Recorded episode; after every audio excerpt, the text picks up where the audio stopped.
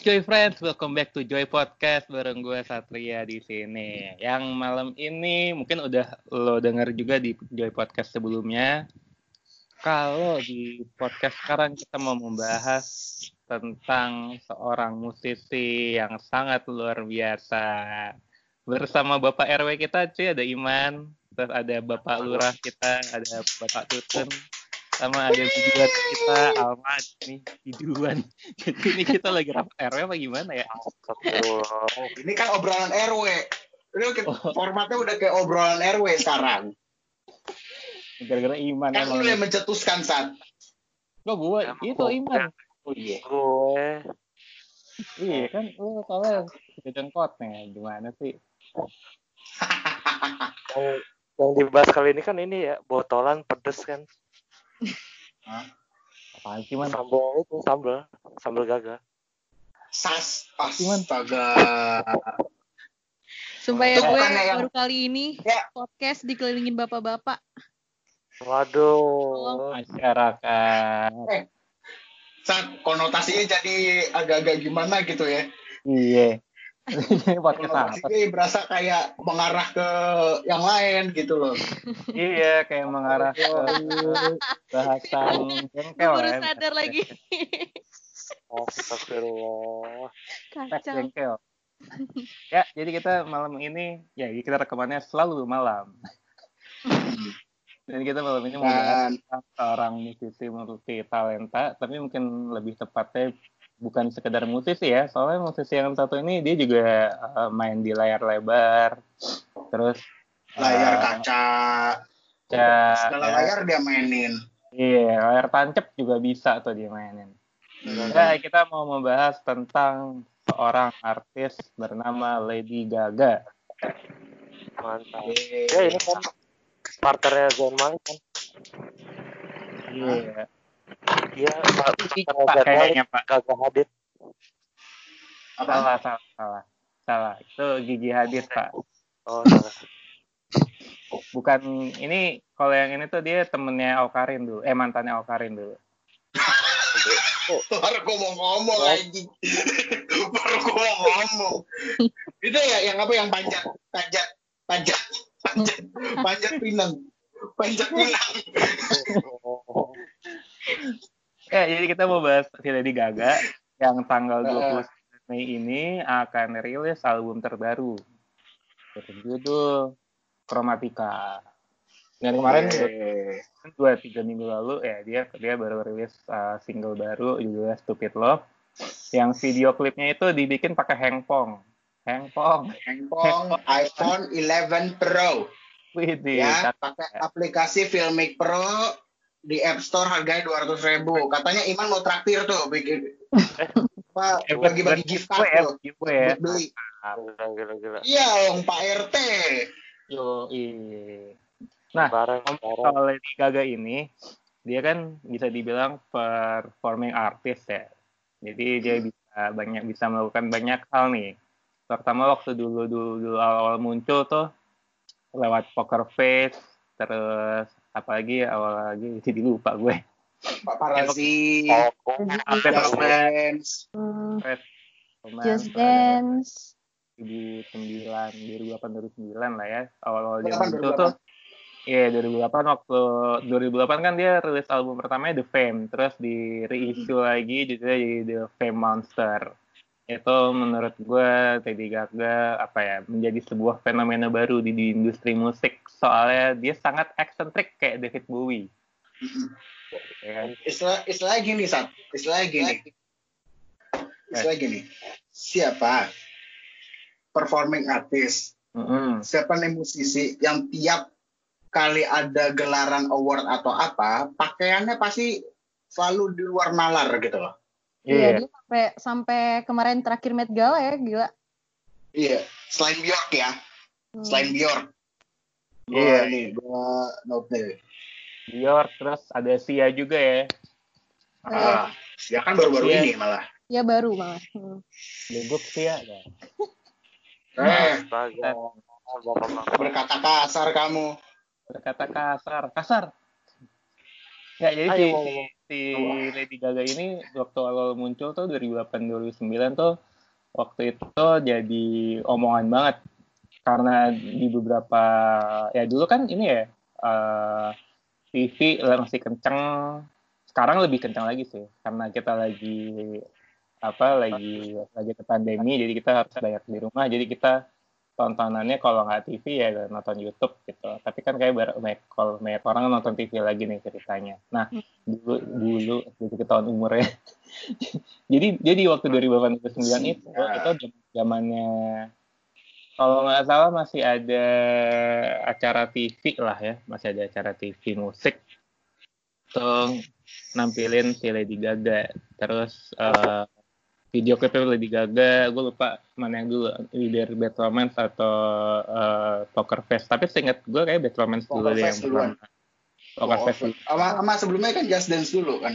Yang dia Dan- yang dia apa yang dia dia dia pakai ada kayak geledek kayak David Bowie itu Lebek anjing Apa dong? nah, ya Allah eh eh bentar eh bentar store tuh di daerahnya Iman ah, nggak Oh, salah iya. Oh iya. condet condet Alves Aneh bawa condet. Gila. ah, Gila, gila. dulu tuh waktu awal muncul itu kayak teman- teman-teman gue tuh kayak tiba-tiba kayak sebulan dua bulan ke- setelah si Lady Gaga muncul nih ya lewat Just Dance sama Poker Fest. Itu kayak gue udah masuk kuliah deh. Itu cewek-cewek di kampus. yang senior senior. Rambutnya jadi kayak Lady Gaga cuy. Lo kuliah, Ada Pak? eh. Awal lo Sat. kuliah. saat Gue 2008 SD tuh gue kelas 5 SD loh. Gue SD gila. lu Eh gue iya. Gue kelas 3 SD. kalau aku kelas 5 SD 2008 itu nama Iman Iya. udah, udah udah ini ya udah pada udah pada kerja kali itu nama Iman. Astaga. udah. Jadi pokoknya- lanjut lanjut lanjut. Jadi intinya waktu Lanjut. awal muncul itu orang-orang kayak junior apa kakak kelas gue kakak kelas senior senior gue di kampus tuh gayanya kayak Lady Gaga gitu rambutnya. Tapi kayak baju masih enggak deh karena baju masih nggak mungkin kayak rambutnya doang lah. Terus di playlistnya temen gue juga pada dengerin Just Dance, Poker Face segala macem. Terus keluarlah sebuah eh, cover YouTube yang saat itu fenomenal dan apa, memperkenalkan kita kepada GAC Gamaliel Audrey Cantika. Dari Just Dance tuh waktu itu covernya. Nah itu baru baru into banget siapa nih Lady Gaga ini sampai sih apa sampai ada video viral GAC cover dia rame banget suaranya bagus banget lagi wih pas gua nonton Lady Gaga gila nih Lady Gaga tuh emang something sih bakal jadi something pada saat itu ya kan istilahnya Iya, bakal jadi something saat itu. Cuman kan dulu karena gue bergaulnya sama anak-anak latem, anak-anak latem, anak-anak rock, itu terus gue uh, gue kena kena Lady Gaga gitu, dicengin gue. Ngapain gitu? Gak oke, gak oke. Gak lama teman gue juga nonton tuh Lady Gaga. hmm. menjilat ludah sendiri Menjilat Emang. udah dari Tapi banyak emang yang enak kalau gue beda lagi teman-teman gue tuh dulu kan agama agamanya kuat ya istilahnya kayak gitu wah Aku, ah, nah, ya terus kalau kalau misalnya ngeliat orang lihat eh, nonton Lady Gaga tuh kayak Iya apaan sih itu Illuminati Illuminati kayak gitu tapi sekarang malah pada suka sama Lady Gaga semenjak dia Iya. main di film tuh Karisma. main di A Star Is Born iya terus orang-orang pada suka sama Lady Gaga teman-teman gue yang dulu Iya. ngehujat gue dengerin Lady Gaga itu itu itu bisa itu ntar kita bahas eh, eh, eh, ntar deh ya Tuh. Nah, ya. ini kita eh, awal-awal dulu tapi bener sih maksudnya istilahnya kayak kemunculan Lady Gaga ini memang bener-bener kayak sebagai apa ya eh, bener-bener angin segar sih buat eh, buat musik mancanegara lebih tepatnya. Hmm. soalnya kan pada zaman itu kan kita eh, masih di apa dikelilinginnya paling kalau pop yang pop ya itu palingnya Britney Spears ya kan? Mm-mm. Britney Spears, Madonna dan lain-lain gitu kan. Gitu, nah tiba-tiba jeger no Lady Gaga keluar. Waduh Moya Moya. Saya kayak Iya, bawa angin segar banget ya kayak segar gitu. hmm, Asal ada angin Iya. dikit aja. Aduh. Lu ngapain Itu kayak bawa di angin podcast duduk ya? sebelumnya. itu itu itu jokes dua episode yang lalu loh masih dibawa-bawa loh. Iya. Banget. Tapi emang waktu itu eh, ketika si Lady Gaga keluar, came out, itu kan dari segi dari kacamata solois cewek ya. Waktu itu juga keluar lah si Justin Bieber. Jadi Ah, iya. itu tuh jadi kayak saling inilah saling berdampingan lah tuh kemunculan. Cuman kalau lihat fenomenanya eh, Lady Gaga ini tuh musik secara musik menurut gue jauh lebih ad, lebih advance jauh lebih berwarna lebih lebih bervariatif ketimbang si Justin Bieber saat itu karena saat itu Justin Bieber tuh pop banget sedangkan Lady Gaga ini tuh kayak semacam art pop karena dia uh, Iya. ma- banyak unsur musik di dalam situ terus dia juga secara visual lewat video klipnya tuh kuat banget Istilah istilah istilah gini. eh ini ini kita sekarang bahas soal yang The Fame dan The Fame Monster ya. Mm-mm. Itu eh, Lady Gaga itu merupakan salah satu performing artist atau musisi yang yang kayak bener-bener apa ya menjadikan video video klipnya itu jadi storyline sendiri. iya Lu bisa lihat lu bisa lihat kan video video klipnya mana pernah eh, mana per, apa jarang tuh ya di pada saat itu yang ya pokoknya sesuai sama ini ya sama durasi tracknya itu bisa dipanjangin gitu bah misalnya kayak si paparazzi itu ada tujuh menit lah kalau nggak salah Mm-mm. si video klipnya yang telepon yang sama Beyonce itu itu eh kecatat Delapan menit ya? setengah menit sembilan setengah sembilan setengah Mm. dengan 8 menit Alejandro Hmm. Tapi emang kalau buat Iya gue kan? saat saat awal-awal kemunculannya abis The Fame Monster terus apa Born This Way ya. Hmm, Born Ya, This Way. Nah itu eh, emang sih paling membekas di ingatan gue justru di album pertama banget sih. Nah kalau buat video klip emang paling kena di gue tuh emang si Alejandro Alejandro kalau nggak jadi omongan banget itu tahun 2010 kalau nggak salah karena saat itu nggak banyak musisi ngerilis video klip berdurasi panjang. Kedua saat itu kayaknya eh, lagi banyak banget. Nih gue nggak gue nggak tahu sih. Lu kan masih pada cimit-cimit. Tapi kalau waktu itu di tahun 2010 eh, lagi ada tren lagi ada tren eh, membahas tentang eh, kayak ya itulah conspiration lah. Jadi kayak 2010 tuh orang-orang membahas konspirasi tuh udah mulai baru lahir lah, bukan baru lahir kayak mulai tumbuh-tumbuh tuh di sini. Jadi Dinasti. apalagi apalagi mengingat si Lady Gaga kan orangnya apa eh, Katolik yang taat. Nah, jadi saat itu gue sama temen gue ketika nonton nontonin Alejandro tuh kayak sebelum temen gue ini apa eh, kata juga. Jadi dia suka jadi dia ceritain tuh si Alejandro tuh artinya apa menurut Oh referensinya maksudnya ya dijelasin referensi apa? referensinya apa aja gitu kan. Iya. Terus oh gitu, ya, ya, ya, ngerti, ngerti, ngerti. Terus habis itu ada Judas juga kan. Judas keluar dia ceritain lagi nih maksudnya apa, kayak gimana. Nah, Terus Dan- langsung ya, dan bentar saat apa? ya? di Alejandro sendiri ini juga menyentil kau apa kayak, kayak eh, eh, Catholic League of Religious and Civil Rights Hmm. atau di jadi kayak ormasnya Amerika ya istilahnya kayak FPI-nya Amerika lah jatuhnya. Waduh. Itu dianggap kayak menista tuh, ya, menista agama tuh si Alejandro ini. Karena karena bener-bener kayak ka- ka- apa kayak referensi Katolik itu bener-bener sangat kental banget gitu loh. Tapi Mm-mm. udah di tapi tetap tetap eh, dengan gimmick gimmick Lady, Lady Gaga yang di mana sex money and power. Gitu. Konsepnya maksudnya konsep utama eh, konsep utamanya itu tetap itu gitu. Hmm. Nah, cuman ya, cuman waktu itu gue masih nggak terlalu memusingkan itu karena eh, gue gue gue termasuk yang yang penting kalaupun gue suka suka ngulik konspirasi sama gue percaya bahwa bumi itu datar gue gue tetap gue tetap gue tetap ya apa tetap menikmati musik cuy.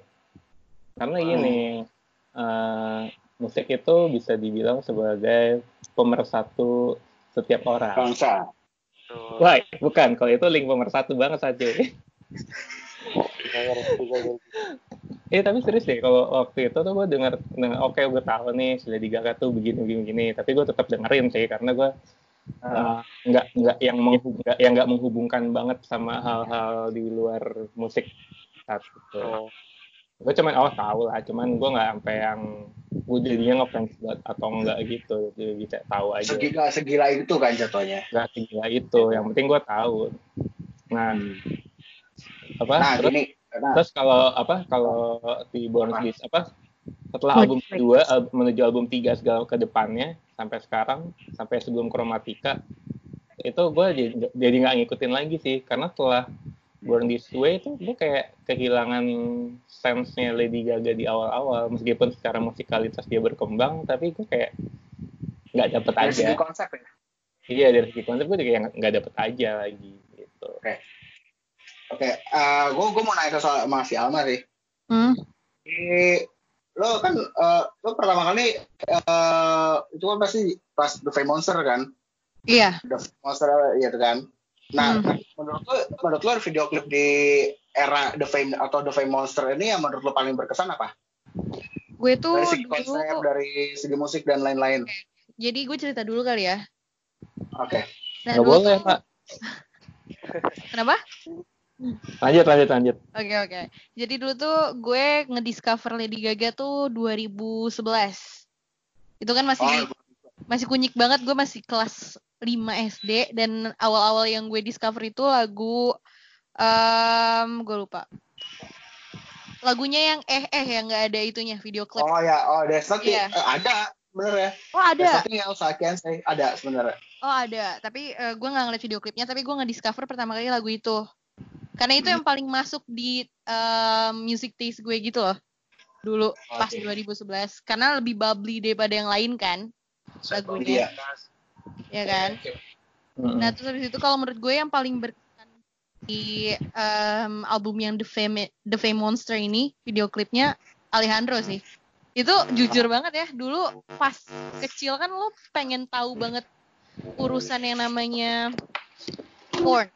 Ya kan? Gak munafik gue maksudnya mas pas pas dari transisi SD ke SMP tuh lo lagi masa-masa penasarannya banget kan ya? Nah di situ tuh yeah. Alejandro tuh uh, soft pornnya gue gitu loh dulu Sumpah, gue gak gue gak bohong. Enggak makanya dulu tuh pas gue ngasih tahu um, video klip ini ke teman-teman gue tuh teman-teman gue pada kayak apaan sih lo? Itu kan Illuminati. Enggak gue gue ngasih taunya Sumpah demi apa pun gue ngasih taunya pas lagi teraweh teman-teman gue. Astagfirullah. Gue gak bohong. Bener-bener sangat agamis lagi sekali. Di atas ya, menyejukkan hati, ya kan, sangat insightful sekali. Mantap. gue lagi di atas masjid. Ini lagi apa sih namanya? Lagi um, teraweh orang-orang pada ngebahas Justin Bieber, gue ngebahas Lady Gaga waktu itu. Sambil makan ikannya ya. Sambil satu khotbah itu. Kayak gitu. Kalau dari segi musikalitas ya gue um, jujur nggak di uh, album yang pertama, gue album yang kedua. Hmm. Yang Born This Way, yang zaman zamannya UNI itu gue lagu paling berkesan gue sampai sekarang di Lady Gaga tuh UNI. Oh, itu. Kenapa? Itu gue itu. pertama kali jatuh cinta sama uh, apa sih namanya alter egonya Lady Gaga karena ganteng men. Oh, Joe Calderon. Ah, ganteng oh. banget itu wah, sumpah itu gue sampai sekarang gue kalau ngeliat video klipnya tuh masih kayak deg-degan gitu loh ngeliatnya karena karena uh, pertama unik kan ya. UNA itu dari segi ceritanya unik kan ya kalau di digambarin di video klipnya. Terus yang kedua lagunya enak banget. Kayak gitu kalau misalnya dari dari apa sih namanya? dari album dia sekarang udah berapa album sih Lady Gaga? Hmm, 6 ya? Enam album ya gue paling berkesan karena mendapat ini ya Chromatica iya iya enam sama Soalnya... Soalnya kan si The Fame sama The Fame Monster kan jadi satu. Iya. Soalnya gue Hmm. pas udah Born This Way itu udah gedean gitu loh, udah ngerti. Kalau waktu masih The Fame Monster itu gue belum ngerti sama sekali dan jujur dulu musiknya nggak terlalu masuk ke gue kayak gitu. Tapi pas masuk ke Born This Way, gue udah lumayan apa sih namanya udah lumayan bisa nelaah gitu loh musiknya Lady Gaga kayak gimana. Soalnya sebenarnya kalau di The Fame Monster itu, menurut gua eh, unsur unsur apa ya kayak keseriusan bermusiknya dia masih belum dimulai justru baru dimulai kan waktu di Born This Way itu kan karena ya ju- ju- lagu-lagunya si Lady Gaga aja yang di album pertama tuh kayak masih terlalu pop tapi kemasan musiknya aja yang nggak nggak sangat pop itu Iya sih. Alternatif Cuman lah, ya kan? cuman Hmm. gue nggak heran sih maksudnya uh, uh, kalau menurut lo itu dia nggak serius gitu ya gue belum serius di album pertama cuman sebelum dia ngeluarin album tuh yang sebelum dia dikenal sebagai Lady Gaga gitu sebagai musisi musisi tunggal gitu dia sebelumnya songwriter juga kayak The Pussycat Dolls, Fergie gitu-gitu loh di Hmm. tahun 2005 ke 2007 dia dulu pernah Eh, nulis maksudnya maksudnya serius tadi tuh ini loh apa sih bahasanya? Kayak tema-tema musiknya tuh di, di setiap di aja masih belum belum serius. konsep Iya, konseptual lah konseptual Eh, maksudnya konsep- Oh, konsepnya belum mateng gitu lah ya. Iya. Iya, konseptual konseptual Mm-mm. Oke, oke. Coba itu. Iya, daripada gua dikena omel polisi skena ntar. Waduh. polisi skena belum eh, eh pas itu belum ada polisi skena coy belum ada belum ada tuh yang geram-geram sampai kebas nggak ada belum ada itu di pada saat itu Eh, Eh, itu polisi skena tuh ini tahu cuy rumahnya sebelah apa di belakang rumah gua. Waduh. Persis lagi. Ya, balik lagi Oh, oh, di juga. Born This Way menurut gue ya kalau menurut gue Born This Way itu eh, menurut gue itu lagu pertama yang menurut gue ada ada bener apa lagu pertama Lady Gaga yang memang ada message-nya. Karena itu itu istilah kayak mengemb- mengembrace apa ya apa pun identitas lo ya udah eh, lo ter apa tercipta ya segini lo lahir ya begitu gitu loh. Istilahnya dan dan menurut gue juga dari segi konsepnya juga oh gila sih gitu. Walaupun walaupun agak memang memang agak-agak absurd menurut gue tapi eh menurut tapi Jud kalau lu nonton lu pernah kalau lu perhatiin Judas ya Mm. ada satu public figure yang menjadi cameo di situ. Dia terkenal karena Walking Dead dan juga Death Stranding kalau lu kalau lu notice Bambang ya. Enggak. Enggak, Subarkah. Si lantai kendong. Ya, eh, ini apa ada Norman Reedus ter- itu itu gue baru sadar beberapa tahun anjir sebe- eh, setelah gue nonton pertama kali non- nonton Judas itu dan ya itu menurut gue itu itu yang eh, konsep ya konsep yang mendekati Alejandro itu menurut gue si Judas ini dan habis itu ya udahlah istilah Days of Glory lah, You and I dan segala macam. Tapi ada lagi apa lebih gagal tuh kayak mencatat kayak mus- musik video terpanjangnya dia ada tuh di Born This Way. Di album Born This Way itu ada tuh video klip terpanjangnya dia. Yang ada lah. Kayak Ada. oh, Si ini Mary the Night, Mary the Night 13 menit. Wah. Hmm. Udah kayak Dream Theater. setengah jam itu mah. Iya, Hmm, walaupun ya. ya walaupun ya uh, secara konsep eh, ko- secara konsep Mary the Night itu ya tetap masih masih agak absurd dan ya itu yang paling mungkin yang paling konseptual di album ter, album ini tuh ya itu Born This Way, si Judas sama UNI. Hmm. I agree Iya. with that. Dan makanya gue setelah Born This Way terus masuk ke album ketiga apa Arcade ya. Terus terus apa eh, itu gue kayak udah lost aja sama si Lady Gaga. Aduh kayak kurang kurang ngena lah. Sampai akhirnya tiba-tiba kemarin dia maksudnya setelah eh, Star Is Born itu keluar terus dia juga punya album yang menurut gue dia banget bukan dia banget sih maksudnya kayak diri dia di, lu, di luar sebagai Lady back to Gaga-nya. basic lah back to Iya, basic back lah to basic tuh kayak wow. Ini emang dia ngeluarin sisi musisinya tuh di situ. Jadi kayak sebelum Chromatica ini dia jadi musisi jadi musisi gitu bukan sebagai performing artist. iya tadi tukang sebenarnya sebenarnya sebenarnya eh, performing artist masih di art pop loh Iya, jadi kayak lebih kental di situ ya masih- ketika di art pop ya jadi lebih makin kental. Uh, apa tuh yang kental? Iya, makin karena hmm apa tuh? Wah, Alma kok ketawa sih? Aduh. Frisian Aduh. flag, Frisian flag, susu, Oh. susu Oh, Ya. Frisian flag. ya. Indomilk ya kan, terus cak enak ya kan, cak enak tuh. Wah, samyang gitu kan. Ya. Gua samyang. Emang samyang itu. Aduh, Aduh. aduh. Ini emang di art pop dia sangat ini Art ya. pop uh, sangat performing apa sosok sebagai performing artistnya tuh kental banget ya. Hmm. banget. ya, menurut menurut gua art pop itu kayak semacam statement menurut gue. Hmm. Karena karena di lead single-nya Applause tuh eh, ada liriknya itu apa ya?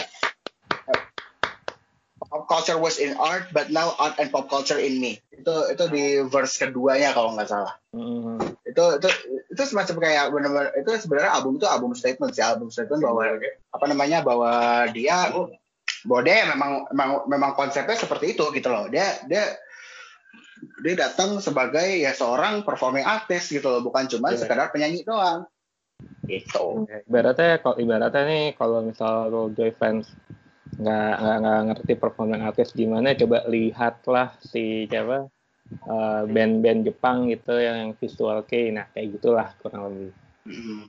atau lihat ke- simpel simpel carry pamyu pamyu nah tuh Hmm. bukan ini kan bukan lihat kebunku kan penuh Eh. dengan bunga Enggak, dan buka mata hatimu, Sat. Lihat. ya Allah aduh Itu tapi eh, albumnya dia yang art pop ini banyak fansnya yang nggak suka ya malah ya. Kenapa tuh? mungkin karena itu menurut karena karena ada eh, ketika dia berstatement gue ini adalah performing artist itu karena gini eh, ketika lu udah masuk atau berstatement lu sebagai performing artist artinya ego lu sebagai artis artisnya maksudnya seniman ya termasuk sebagai musisi itu udah campur aduk jadi bener-bener idealis lo idealisme lo banget gitu. Mm-mm. makanya musik lo jadi makin ya mungkin awalnya jadi makin aneh. Mungkin menurut lo nggak enak didengar. Ya mungkin karena itu gue nggak ngikutin lagi si Lady Gaga. Karena waktu gue nggak begitu ngikutin lagi setelah itu sih. Iya, cuman Lady Gaga pun pas masa dia di 2019 tuh habis A Star Is Born, dia tuh pernah throwing shades gitu loh ke album dia yang art pop. hmm. Gue nggak Hmm. ngerti kenapa ya di Twitter dia tuh eh, dia ngomong kayak gini, I don't remember art pop dan itu pernah jadi trending topic gitu loh. Hmm. Gue nggak tahu tuh kenapa bi- dia karena em, ya kenapa? Karena setahu gue art pop ini merupakan ya project paling ambisiusnya dia sih yang gue perhatiin. Hmm. Hmm. Gitu. Karena ya, cerita 2012 dan 2013 itu benar-benar kayak teasingnya tuh teasingnya tuh kencang banget tuh si art pop itu. Hmm. Istilahnya dia pas di album pertama tuh came out strong, di art pop stronger gitu kan ya. Mm-mm. Ya. Gitu. Cuman Nah, gue habis gue nggak tahu nggak apa ya Nah abis art pop nih si Lady Gaga tuh kayak kembali membuktikan bahwa dia ya nggak cuma performing artist doang gitu loh. Hmm. collab lah dia di, di album kolaboratif apa dia buat sebuah album kolaboratif bersama seorang Tony Bennett. bukannya album Tony Bennett maksudnya dia muncul di di Iya. album Tony Enggak Bennett itu itu itu album kolaboratif album Tony Bennett dan Lady Gaga. Hmm. Kolaboratif itu. Ya di situ dia emang benar-benar ini ya benar-benar ngeluarin skillnya dia sebagai musisi tuh. Si serba bisa. Mm. Si serba bisa. Jadi ini bisa bawain jenis musik apa pun, termasuk musik Mm. mahal yang ada di yang dibawain sama Tony Bennett. Iya, Hmm. benar. Cuman kak, ini kan ngomongin soal ini ya, apa uh, kalau boleh melip kan gue cewek ya, nggak cewek Iya. doang. Kalau Oh, boleh melip- emang lu mau ditanya lu cowok apa bukan? jangan Itu dong. Satria sih tuntut. Kok aku? Jadi kalau terus. misalnya boleh melipir ke masalah fashionnya ya, kemarin gue baru banget nonton apa sih namanya behind the scene-nya dia di Met Gala. Kan seperti yang kita tahu ya di Met Gala dia eh, kostumnya fenomenal banget, gila berle- berlapis-lapis kayak Oreo. Enggo Waduh. Oreo Supreme ya? Iya makanya. Oreo Supreme. Supreme. Oreo Supreme. Supreme. Oreo Supreme. Lama jadi bahas Supreme. Lanjut main gala. Jadi waktu gue baru banget nonton yang di Met Gala tuh beberapa hari yang lalu. Jadi dia tuh bukan hanya di masalah musik kualitasnya dia, di masalah dia pakai baju gitu, di masalah fashionnya dia juga itu menyiratkan cerita gitu loh, Hmm. menyiratkan pesan. Jadi di setiap layer bajunya dia itu eh, menceritakan sesuatu hal kayak gitu. Jadi kemarin kan Met Gala kan em, temanya camp gitu ya. Jadi dia tuh pengen eh, membungkus semuanya gitu loh di kostumnya dia. Jadi diceritain gitu eh, apa aja sih sebenarnya dari layer layer bajunya tuh apa aja sih ceritanya kayak gitu. Hmm. Terus, terus. Salah Kalau satu salah yang yang cukup nonjol dari gue gue lupa nih kalau nggak salah di Met Gala tahun berapa ya atau mungkin bukan di Met Gala ya. Jadi dia pernah pakai baju tuh pakai daging Oh, daging gitu award Grammy bukan ya? lupa gue itu sempat jadi sempat trending tuh waktu gue di Oh, hall ini apa? VMA, Video Music Oh Awards. ya ya ya Hmm. ya ya VMA ya. gila nih orang pakai daging coy bajunya Hmm. Cuman Ya itu, Iya. jadi Lady Gaga ini totalitas sih di segala sisi ya. iya Bahkan- Di apa sih namanya bajunya aja tuh dia menceritakan sesuatu gitu di kostumnya dia tuh dia menceritakan sesuatu. Nah, coba yang layer-layernya itu coba di lo ada ini ya nggak? Ada apa namanya? Ada info nggak soal si layer tiap layernya tuh mendefinisikan apa gitu? Bentar nih research dulu ya. Lanjut aja lanjut lanjut. Tapi kalau gue ngeliat si Lady Gaga tuh, gue lebih seneng lihat Lady Gaga kayak setahun dua tahun terakhir sih, baik itu secara musik, secara musiknya dia sama uh, bagaimana dia tampil di publik. Karena ketika, eh kan kemarin kita sempat ngobrol ya Ton ya, kalau si Lady Gaga tuh sempat down, makanya di album sebelum Chromatica ini tuh jadi kayak semacam curhatannya dia gitu kan. Ya.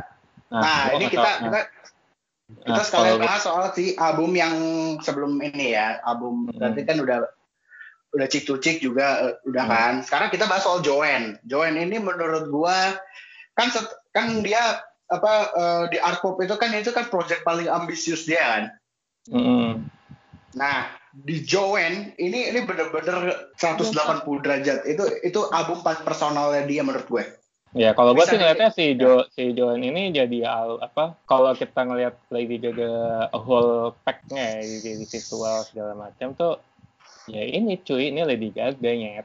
Ini gue, Strip. ini gue gue ini beneran gue, gue nggak pakai nggak pakai eh, nggak berdandan seperti lo kenal gue dulu. Ya ini adalah gue sebagai apa apa adanya gitu. Dan gue nggak tahu gue nggak tahu ya kalau misalnya ya pastilah. Biasanya ada ada siklus gini. Album pertama itu lo fenomenal. Terus dikenal dulu Hmm. sama orang. Album kedua itu adalah album pembuktiannya lo. Album ketiga itu adalah biasanya eh, album, album kedua itu kayak semacam bagaimana lo bisa eksis bisa terus eksis dan dapetin kepercayaan lo dari fans lo. Nah penentuannya itu ada di album ketiga kalau buat dari siklus musisi. Ini kalau yang gue tahu nih nah biasanya di album ketiga itu menentukan um, psikologis dari si musisi itu sendiri buat maju ke album berikutnya. Nah, contohnya gini kalau kalau di siapa? Gue co- gue coba mencontohkan di uh, band yang gue ikutin sekarang. Itu ada ada misalnya nih ya Bring Me The Horizon gitu. Ini kan mereka band dulu tuh band deathcore lah ya di di album Count Your Blessings tuh sangat hardcore banget 2016 tuh kencang banget lo lo nggak akan tahu liriknya dia nyanyi ngomongnya apa di Suicide Season lo mungkin udah mulai uh, agak agak soft lah ya tuh metalnya cadasnya udah udah Agak kencang. ibaratnya udah mulai Pak. iya pokoknya orang teriak-teriak udah mulai kedengeran dia ngomong apa bermakna. Iya, ada, ada maknanya. Terus ada uh, di album ketiga dia, There is a Hell, Believe Me, I've Seen It, There is a Heaven, Let's Keep It a Secret, itu udah, oh lo, lo ngerti, oh ternyata selama ini dia uh, ngomongin ini loh, ngomongin itu. Oh secara musikalitas dia udah mulai main lebih rapi, segala macem. Bem, di saat itu nentuin, ini, karena di album ketiga BMTH ini, waktu, termasuk waktu tur ke Jakarta, itu ketika dia bikin apa konser di Jakarta masanya banyak. Terus meninggalkan kesan yang positif lah dari fansnya. Baru wah orang-orang jadi antusias banget nih ngelihat uh, nextnya apa sih? Apa keluar Sempiternal orang-orang makin suka. Ya orang yang tadinya ngeceng-cengin BMTH wih langsung suka. Karena di album Sempiternal tuh secara musik udah jauh berkembang. Terus secara uh, apa psikologi kalau mereka tuh udah makin dewasa lah. Nah, kalau gue ngeliat di si Lady Gaga ini di album ketiganya dia si apa si art pop ini itu tuh jadi Ah. kayak semacam karena tadi kan kayak tadi si Alma udah bilang sebagai uh, Little Monster Indonesia yang paling hits di antara yang hits dari yang paling terhits Apa nih? itu kan kenapa ya? Apa nggak fansnya jadi banyak yang nggak suka. Nah mungkin saat itu dia udah mulai ah gila nih kenapa sih fans gue kok nggak suka dengan project ambisius gue barulah dia curhat di album si Joanny ini. Karena gitu pasti ada ada ada ada siklusnya tuh dari, dari musisi. Buat next stepnya gue akan membuat uh, album seperti apa. Biasanya album ketiga tuh menentukan. Hmm. itu yang ke depannya gue mau di, mau mempertahankan kesuksesan gue dengan uh, membawa ambience gue atau misalnya uh, apakah gue akan berubah atau apakah apakah gue akan tetap sama tuh di situ. Keluar maksudnya quote-nya nanti di album 4 ini. Nah orang Ah. orang dengerin album 4 ini si Joanny ini dan kalau nggak salah kan itu nggak lama langsung ada Star is Born kan dua tahun kemudian. Itu kayak gila ya, si Lady Gaga bisa gini berarti dia ada apa-apa nih. sebenarnya itu. Iya dia ada apa-apa nih setelah art pop. Nah. Gue yakin sih makanya ini jadi album yang sangat jujur dan gue ngelihatnya sih Lady Gaga kayak hmm, mungkin dia semacam semacam tobat gitu kalau gue ngeliatnya karena bener macam nggak ada ini lagi image dia sebagai Lady Gaga yang lama tuh udah nggak ada. Hmm. Ya ini si jadi kayak bener-bener ya ini inilah gua gitu. Nah itu perjalanannya bisa lo apa ya bisa lo tonton di ada do- dia bikin dokumenter Netflix. Yang itu judulnya? judulnya judulnya Gaga Five Foot Two. Itu timelinenya dari kalau nggak salah dari pembuatannya Joanne sampai pe- pas dia nampil di halftime show eh, Super Bowl di 2017 itu timelinenya di antara itu. Lo bisa lo lo di, eh, bakalan itu behind the scene terutama behind the scene Joanne ya itu benar-benar dikulik abis di situ Hmm. Ya Gaga Five Foot Two ya. Hmm. Gila. Di situ juga ada Gaga Muhammad nanti disponsori oleh. Bodoh. Disponsori oleh Sarden Gaga. Hmm. Emang Tim bener-bener gua. lo. Eh by the way, fun fact ya, fun fact ya. Gue waktu waktu baru magang di Hai kalau nggak salah itu 2013 kan. Itu tuh gue cukup cukup cukup ngincer ini loh, cukup ngincer konser ya di sini lah ya waktu The Born This Way Ball ini. 2012 itu nggak salah. 2012 ya. 2012 ya, eh, gue lupa. 2012. Gue cukup, Born This Way Ball Tour. iya gue cukup cukup ngincer. GBK. Karena kenapa gue Pengen cukup ngincer? gara-gara FPI. Hmm, Eh. mampus lu. Iya, iya makanya Podcast. Hmm.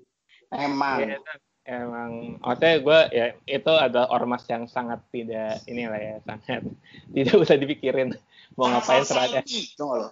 Apa-apa salty gitu loh. iya Nanti apa lama-lama di band nih. Joy podcast nih. Nah, tapi gini sih, kalau di luar itu gue ngeliatnya ini uh, dari dari sisi artisnya dia aja, dari karyanya Iya, dia. artistik itu Hmm. sih. Gue ngeliat gue ngeliat uh, setupnya itu kayak gokil banget. Kan katanya mau dibawa ke sini aja tuh dia harus bawa berapa pesawat kan, karena setupnya cukup ribet, apalagi uh, mainnya di GBK gitu. Eh, terus tiba-tiba di band gara-gara dia uh, tidak mendidik Buset. Ya, kayak gitu Mana? kayak gitu yang diungkit-ungkit ini lagi Masa tidak mendidik, Iya, tidak mendidik. Iya udah Kan gitu pun yang nonton juga di atas 18 tahun gak sih waktu itu? iya makanya Iya. geblek banget ya nggak maksud gue gini Enggak, loh sekarang sekarang gini, yang- sekarang gini. yang diangkat tuh ininya men apa eh video klip dia waktu di Bad Romance tuh kan salah satu yang paling vulgar ya itu masalahnya saat itu diangkat yang Hmm. jadi Ya elah. jadi apa ibaratnya materinya tuh muncul di TV segala macam nah itu yang diangkat jadi kayak gue kayak Ya What? banyak aku sama sekali nggak tahu soal gituan.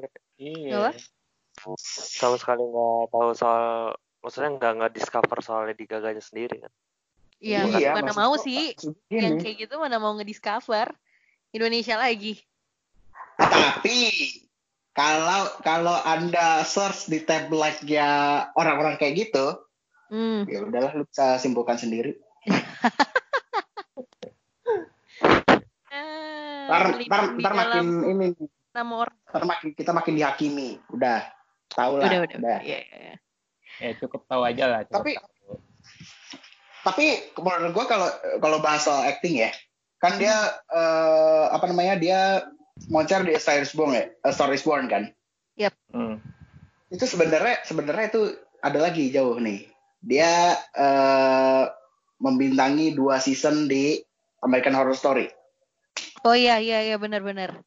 Itu tahun 2000 15. 2015-an ya. heeh. Ya, 2015 itu dua dia season atau berapa eh, episode dia dua season yang Oh, dua Hotel season ya? sama Roanoke. Hmm. Hotel sama Roanoke. Roanoke tapi Roanoke dia cuman muncul berapa episode ya. Kalau di yang hotel itu dia jadi karakter utamanya, Elizabeth. Hmm. hmm, The Countess. Itu itu sumpah loh, gue kayak gue, gue kayak bener-bener kayak ke- ketika dia penampilan dia sebagai The Countess itu menurut gue kayak anjir lah. Ini orang terbuat dari apa sih gue bilang? Bisa semuanya ya. Iya Bisa maksud semuanya. maksud dia dia bisa dia, dia- di itu aura itu anjir intimidatif banget anjir serius oke hmm, lu kayak dia kan si dia kan istilahnya pemilik hotel Cortez kan jatuh ya kan Hmm. istilahnya kayak istilahnya kayak wah lu lu kalau udah liburan di situ lu udah nginep di situ wah udah lu ya wassalam lu udah udah ada auranya kayak gitu gitu Iya, cuman kelihatan sih. sekali lu masuk wassalam Hmm, sekali lu masuk Iya. wassalam Dia pun abis dari yang eh, meranin Elizabeth ini di American Horror Story ini kan dia menang apa sih namanya award juga kan ya di Emmy. Go. Ya, dia Best. Actress in a Minister or, or Television Film. Jadi udah nggak diraguin lagi sih, kalau menurut gue. Iyalah, nggak mungkin lah orang meragukan Lady Gaga, apalagi sekarang gitu. Peraih dari apa Grammy Awards ini kan juga nggak mungkin diragukan lagi. Cuman emang kadang eh, ya pasti ada ada dark side-nya dia lah ya. Hmm. Iya. Nah, tapi kalau misalnya gue tahu nih, kan setelah setelah Joanna ini minggu depan atau tepatnya 29 Mei ini Minggu kan ini, rilis minggu- nih, eh. ini ya, Mm. ya si Chromatica itu rilis ya, bro. Nah, kalau si Chromatica rilis ini kan menurut gue waktu pertama gue dengar si Stupid Love, which is single pertama dari, ya maksudnya yang muncul di publik tahun single, ini ya. lah ya. Itu kayak, wow, ini enak nih. Maksudnya lebih masuk, Masuk. lebih masuk. Karena kan kalau di album pertamanya tuh sangat elektropop banget ya, Hmm. pop elektropop banget pada zaman itu dan eh, apa lebih justru dia mendobrak dengan elektropop, mendobrak musik pop kayak Justin Bieber segala macam kayak eh sini Ah. lihat lihat gue nih ada gue nih gue bawa musik baru gue bawa elektropop nih Cus. terus di album keduanya Susah. dia lebih langsung mengeksplorasi eh, rock elektronik sama technopop yang lebih apa ya lebih mateng lah. mateng lebih kayak eh, eh, apa ear catchy gitu kayak wih gila nih makin gede. Terus masuk lah tuh ke apa yang lebih sedikit sedikit EDM dikit lah itu di art pop. Atau lebih aneh lah kalau misalnya ini. Terus tiba-tiba sekarang itu apa terus Art pop Oke. itu dia melibatkan Madeon sama Z. nah makanya kan jadi kayak Salah salah duanya tuh. Writernya ya. eh, eh, Eh, makanya komposernya. Produser Ah. produser.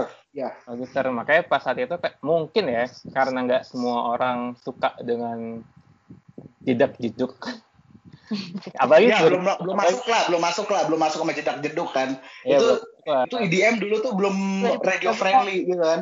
Iya, masih IDM belum Belum radio friendly kan. Heeh. Ya mungkin kalau itu orang-orang jadi kayak "Ah, suka nih lah kayak terlalu gini terlalu gini terlalu gini cuman sekarang kayak orang udah mulai nerima dan ya mungkin kita harus berterima kasih dengan Lady Gaga juga dengan adanya EDM sekarang gitu dan Ah. sekarang tuh di Chromatica tuh lebih ke kebahasan kita sebelumnya ya lagu apa ada unsur ektisnya di sini dance pop Iya. gitu gak sih? Hmm. iya Dan di Chroma- Chromatica ini ya ada tiga kolaborasi yang bakal yang harus kita ganti-ganti ini. di antivis antisipasi Antisipasi. Anti sisa sisa sisa sisa. Apalah itu. Jadi eh, kan dibandingkan eh, dibandingkan Joanne yang ya, ya art pop kan ramai kolaborasi terus si Joanne ya ya paling yang gua tahu ya cuma sama si Florence Welch doang Mm-mm. ya kan nah si Lady Gaga di Chromatica ini dia nggak cuma gandeng tiga kolaborator tapi wadaw semua gitu loh Wih, itu. Yang pertama itu satu. ada Ariana Grande. Ariana Grande di Ariana lagu lagi naik ya, lagi naik digandeng sama musisi ya Iya, buat kolaborasi. Iya, saya nggak mau digandeng sama gua aja sih. Ya, Oh, ah, tahu lah Uh, aduh takut. Lakukan. Allah Akbar perlu gue invite nih. Terus di musisi kedua itu ada Blackpink. Itu Blackpink. gayang-gayang Ini gua. sih yang yang menggencarkan dunia persilatan nih Blackpink sama Lady Iya. Gaga. Terus ketiga ada Elton John. John. Di Sign apa? Sign from Above. Iya, kol ya collab sama Lehen, another another collab sama Lehen kan selain sama Jadi si Tony Bennett kan. Si Chromatica ini jadi uh, ibaratnya gini loh, ketika di album Joan dia sempat ibaratnya capek gitu, gila drop gitu, secara secara mental gitu. Itu lah, capek. tahun ini gue harus balik lagi. Gue harus membuktikan bahwa gue adalah performing artist dan mus atau musisi yang emang apa ya, emang konsisten, emang punya karya bagus. Emang konsisten dengan konsep gue gitu loh. Istilahnya. Ini, Gue punya Oke. gue punya konsep Akbar nih ya kan. iya.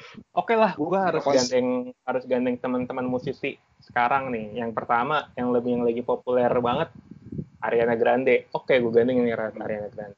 Terus, oke siapa lagi yang lagi uh, akan jadi hits ke depannya?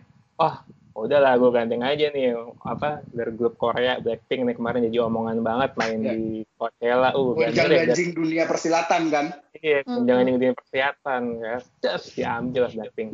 Nah terakhir nih gue gue pikir sih gue gue mencoba uh, berpikir ap- seperti apa yang ada di headspace-nya Lady Gaga. Gue nggak bisa ngambil, gue nggak bisa cuma ngambil artis populer sekarang dan yang uh, akan besar ke depannya.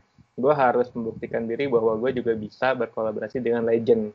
Jadi ambil Elton John. Anda. Uh, jadi gua gua- kayak ini benar-benar eh, kromatika. ya. Tapi juga sebenarnya juga kromatika tuh menurut gua adalah suatu project yang ambisius juga selain art pop dari segi konseptualnya yang gue juga benar-benar rapi gitu loh. Ya kayak benar-benar rapi dari segi chronological ya, dari segi chronicle-nya tuh wah ini kayak ada universe sendiri nih istilahnya. Iya. Karena di Stu- Stupid Love juga di- udah dikondisikan seperti itu gitu loh. Mm-mm. Ya kan? Dikondisikan bahwa ini ada ini ada universe yang namanya Chromatica nih, istilahnya gitu. dan Ya, bisa gitu. dibilang ini tuh benar-benar menurut gue sih justru ini proyek ambisius yang lebih matang ketimbang art pop Setuju. Setuju banget. Benar. Bener banget. Waduh. Karena benar-benar kan istilahnya kayak oke dari awalnya dari awal istilahnya dari awal Stupid Love keluar kan istilah LG baru baru baru di teaser tuh LG6 sebenarnya Mm-mm. sebelum video klipnya keluar tapi tahu-tahu blur Chromatica hmm, ini pasti gue yakin ini pasti jadi judul judul albumnya nih oh bener judul albumnya Chromatica Iya. Nah, tapi kalau misalnya kita eh, lihat lihat dari ininya aja, dari covernya aja. Kalau si Stupid Love kan kayak eh, eh, musik pop 80s-nya tuh dapat banget, electropop 80s-nya tuh dapat banget. Dari cover pun juga kelihatan wah ini ini ambience 80s-nya berasa banget apalagi eh, tahun 80-an itu sejumlah musisi yang kayak gini tuh identik dengan mengangkat tema-tema post apokaliptik. Nah, terus di Hmm. album di single keduanya yang sama si Ariana Grande ini itu juga juga ini banget cuy, juga apa identik banget gitu sama image-image cover 80s iya tema post cover ini cover kayak cover cover ininya juga sih cover cover uh, film-film dengan bergenre sama gitu loh iya kan Iya.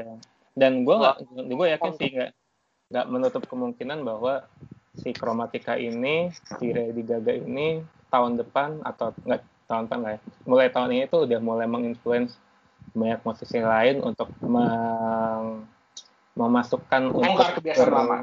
Heeh, lagu-lagu apa untuk musik lama gitu untuk diri create Hmm. lagi sama lah kayak kejadian sama. di 2013 tadi kan ada dia kolaborasi sama uh, produser musik elektronik atau EDM eh 2014 EDM ada di mana-mana nah gue yakin sih dia bisa kayak gitu lagi Dan di Chromatica ini kak, Hmm.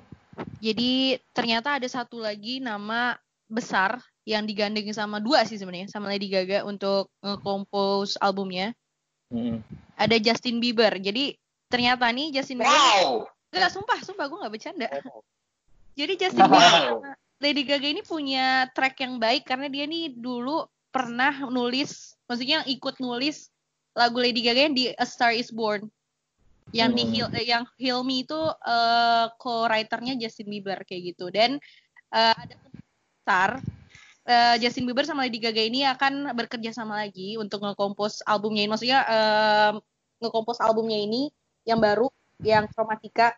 Dan soalnya tuh waktu kemarin Justin Bieber pernah upload foto sama Lady Gaga, dia lagi di studio kayak gitu. Jadi kemungkinan besar nih kayaknya ini masih kayak apa sih namanya?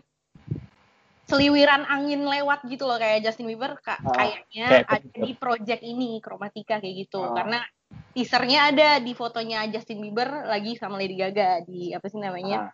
di em, studio kayak gitu. Cuman kita nggak bisa Ah. ini sih ngeremehin Justin sih dia banyak banget nulis lagu-lagu gede sih kayak lagunya Halsey, lagunya apa di NCE kayak gitu. Mungkin jadi Gaga ngelihat potensi di Justin jadi digandeng juga. Terus ada Mark Ronson juga, dia juga uh, Ah. katanya memproduksi Lady Gaga. Iya. Mark Ronson tuh ini Mark Ronson tuh juga dia turut andil di album sebelumnya si Joanne Ah. ini si Ini Joanne ini sebagian besar diproduksi sama si Mark Ronson tuh Hmm. Itu Nah. uh, ini kali ya, apa em, kayak nge-explain gi- dia ada unsur 80s-nya tuh dari Mark Ronson gak sih? Di apa Chromatica Bisa jadi. itu. bisa jadi Kalau dari bisa kan si Al Al- Alma kan juga kayak apa namanya Apa? suka dengan vaporwave gitu kan. Vaporwave Everwave, ya kenapa? bukan vaporizer kan Eh, Aduh. Pokoknya kan kalau akhir semester dibagiin apanya? rapor oh, Allah Apa? apa Tapi sih tadi Man, man. vaporwave vaporwave itu kan biasa 80-an kan identik dengan vaporwave. Mm-mm. Iya. Emang menarik sih nungguin albumnya rilis nih. Gue nggak tahu kenapa ini jadi si Chromatica jadi album Lady Gaga yang paling gue tunggu-tunggu sih. Hmm. Karena waktu ya kalau si The Fame Monster kan itu kayak ya kita nerima aja. Gue kayak penasaran deh album kedua gimana ya. Oke gini, oke. album ketiganya gue kayak nggak nggak ini banget apa nih apa nggak nyampe nggak nyampe. Terus sekarang ada Chromatica tuh kayak oke single single pertamanya kan cukup menjanjikan nih. Apalagi pas dilihat kolaborasi kolaboratornya tuh ada Elton John tuh gue kayak gila nih orang karena gini sih Elton John itu salah satu musisi era 70-an 70-an itu kan dia era-eranya termasuk apa termasuk salah satu eranya The Beatles ya jadi legend-legend ada di situ semua Uh, ada ada legend-legend di situ ada uh, macam-macam oh, gue penasaran nih ini orang kolaborasi sama legend Elton John lagi kan Oh, iya. Besok eh tanggal 22 tuh yang Rain on Me kan. Be- Iya. Iya, Renoni dua-dua. Penasaran Iya. sih gue, Ariana sama Lady Gaga. Karena iya gue juga penasaran kolaborasi banget yang jarang tuh Ariana. Gaga. Gue belum bisa ngebayang sih musiknya gimana. iya tapi gue harap sih dengan dengan berkolaborasi dengan Lady Gaga si Ariana Grande ini eh, jadi bisa apa ya ibaratnya jadi punya tempat lah jadi bisa bisa keangkat lah. Eksperimental. Iya, karena gini sih, sejak muncul pertama kali si Ariana Grande keluar, itu kayak gue nggak pernah dapat nih si Ariana Grande ini mana nih tajinya, kan nggak nggak pernah dapat ininya Karena target marketnya beda kan. Ariana nih. Iya. Iya. Ariana eh, anak-anak muda bukan sih? Maksudnya yang agak Hmm. agak Iya, yang gitu. yang iya, benar. Ya, paling seumuran Alma lah paling ya. yang Masuk. Iya. Tapi- waktu waktu dulu waktu dulu kita bahas, maksudnya waktu waktu Hai membahas Ariana Grande juga nggak nggak nggak segitunya banget sih, nggak tahu kenapa. Paling match kan kayak itu loh, kayak Disney Princess tuaan dikit gitu. Udah Iya. udah Kan nggak dia jebolan ini Nickelodeon. Oh Iya. iya. kalau Nickelodeon, Beda cuma makin ke sini makin luntur sih itu deh image-nya dia yang itu tuh. Iya, Kan makanya- udah bandel sekarang. ibaratnya gini sih eh, kalau gue ngelihatnya dibanding Ariana gue mendingan dengerin si Selena Gomez sih Hmm. ya karena Selena Gomez menurut gue secara musikalitas dan secara image menurut gue lebih strong ketimbang si Ariana gue gak tahu apakah rambutnya Ariana yang sangat lurus itu mempengaruhi atau enggak. Rambut ponytail, rambut cepol Cuman ya. dia sih eh, Rihanna di album dia yang apa sih namanya Setelah Dangerous Woman tuh Setelah Dangerous Woman apa albumnya? Lupa gue. Yang apa? Abis Dangerous Woman Abis lagu, eh, albumnya dia yang itu. Sweetener. Ya Sweetener tuh agak turun sih itu di situ menurut gue. Iya jadi gue kayak gak pernah nggak pernah dapat aja si Grande. Ya, Tahu-tahu tahu-tahu si al- si lagunya eksplisit semua. Wadaw. Dangerous Woman sih itu eksplisit parah itu iya Nah, tapi, tapi di Back in tapi Top di Sweetener tuh hampir semuanya eksplisit kecuali Notice Notice Love to Cry. Iya dari ya dari situ sih dari Dangerous Woman ke Sweetener tuh Mhm. berubah banget tuh image-nya apa sih namanya Innocent Girl di Ariana. Tapi mungkin karena dia nggak tahu ya, mungkin karena dia em, orangnya sangat optimis dan ambisius ketika dia rilis Thank You Next itu jadi kayak orang-orang mulai ngelirik banyak orang ngelirik ke dia ke dia sih pada akhirnya. Iya. Nah, ya udah lah. Kira-kira kita tunggu aja nih ya. Bagaimana sih Chromatica ini? Iya. Ya kan? Semoga sesuai ekspektasi ya. Iya, Hmm. gue sih ekspektasi bakal kayak Melampaui. iya melampaui album kedua sih Born This Way karena Born This Way itu benar-benar hooknya banget hook buat karirnya Lady Gaga. Ini apakah Chromatica bakal mengembalikan si Lady Gaga ke ke puncak gitu ditawarin villa gitu. Karena- Karena singlenya aja tuh udah blown up. Tuh, emang maksudnya lagu pertamanya dia yang keluar sebelum albumnya udah blown up banget di Twitter. Bahkan kan kemarin sempet um, sempet balapan sama Cardi B, eh Cardi B, Nicki Minaj yang Say So, jadi dia sempet balapan. Oh yang Doja ya, yang, Iya. yang remix sama Doja Cat. Doja. Kayak gitu. terus ya Kalau sama Blackpink belum keluar juga ya lagunya. Belum. Itu itu kayak kayak barengan nama ini, barengan sama album Album. keluar sih kayaknya. Soalnya gua kebayangnya sih kalau gue liat di Twitter tuh kan fanbase Korea kan kayak super duper apa ya wah banget lah itu fan war bisa reply enam ribu sendiri Iya, soalnya dia lagi jadi ini kan, apa namanya? Iya. Trend center Korea. Trendsetter. gue eh, mikirin gimana nyambungnya gak sih Lady Gaga dengan Black kalau dengan Ariana mungkin Nyambung-nyambung aja sih. Nyambung sih. Menurut gue sih nyambung-nyambung. Nyambung banget. Mungkin Dari segi- nanti dari- lebih stand out, Lady- maksudnya lebih stand out em, unsurnya, unsur warnanya Lady Gaga gitu loh daripada Blackpink. Kan biasanya kalau Blackpink em, kolaborasi nih misalnya sama Dua Lipa gitu kan, kan yang lebih em, stand out kan Blackpinknya. Kalau Lady Gaga pasti yang stand out Lady Gaganya sih. Iya. Kalau gini sih, kalau misalnya uh, Dua Lipa sama Blackpink, case-nya adalah mereka secara karir, secara uh, apa namanya journey ber, mereka bermusik itu sama. Hmm, Tapi uh, orang-orang di dunia itu melihat girl group atau K-pop itu sedang sangat tinggi banget animonya. Makanya orang si Blackpink ini jauh lebih stand out. Ibaratnya gini sih, kalau BTS itu gandeng Halsey karena si BTS apa jadinya si Halsey Halsey-nya yang justru nebeng gitu. nama BTS. Heeh, Nah, kalau kalau kemarin si di Kiss and Makeup-nya itu si Dua Lipanya yang ngangkat si eh, Eh, Blackpink. sama Blackpink. Nah, kalau sekarang case-nya adalah si Blackpink yang pasti akan keangkat sama Lady si Gaga. Lady Gaga. Kalau menurut tuh gitu, karena em, Lagi turun nih kalau nggak salah ya. Kalau nggak salah ya. Blackpink itu Belum return kan? comeback, Iya comeback comeback. Belum comeback kan? ber- lagi persiapan comeback. Dan gini sih, kalau lihat komposisi musiknya Blackpink dari single atau EP ke EP, menurut gua makin lama makin mateng aja sih. Dan secara musikalitas dari dari empat ini menurut gua dari empat membernya ya dari musikalitas dari segi suara aja. Menurut gua eh, itu udah pada oke lah. Udah menemukan apa udah menemukan faktor X masing-masing lah. Terutama eh, misalnya kayak kayak Jenny atau Rose itu menurut gue justru harusnya bisa stand out di Lady Gaga ini. Mungkin salah satunya yang bisa ditonjolin itu malah si Rose. Karena si Rose kan bisa dibilang main vokalnya si Blackpink dan secara karakter suara si Rose ini adalah yang paling unik dan paling di atas menurut gue di atas rata-rata. Dan beberapa report juga bilang si Rose ini adalah eh, vokal kalau misalnya ada project solo si Rose ini harusnya yang bisa stand out di antara yang lain ketimbang si Jenny Kan Rose kakaknya Upin Ipin kan?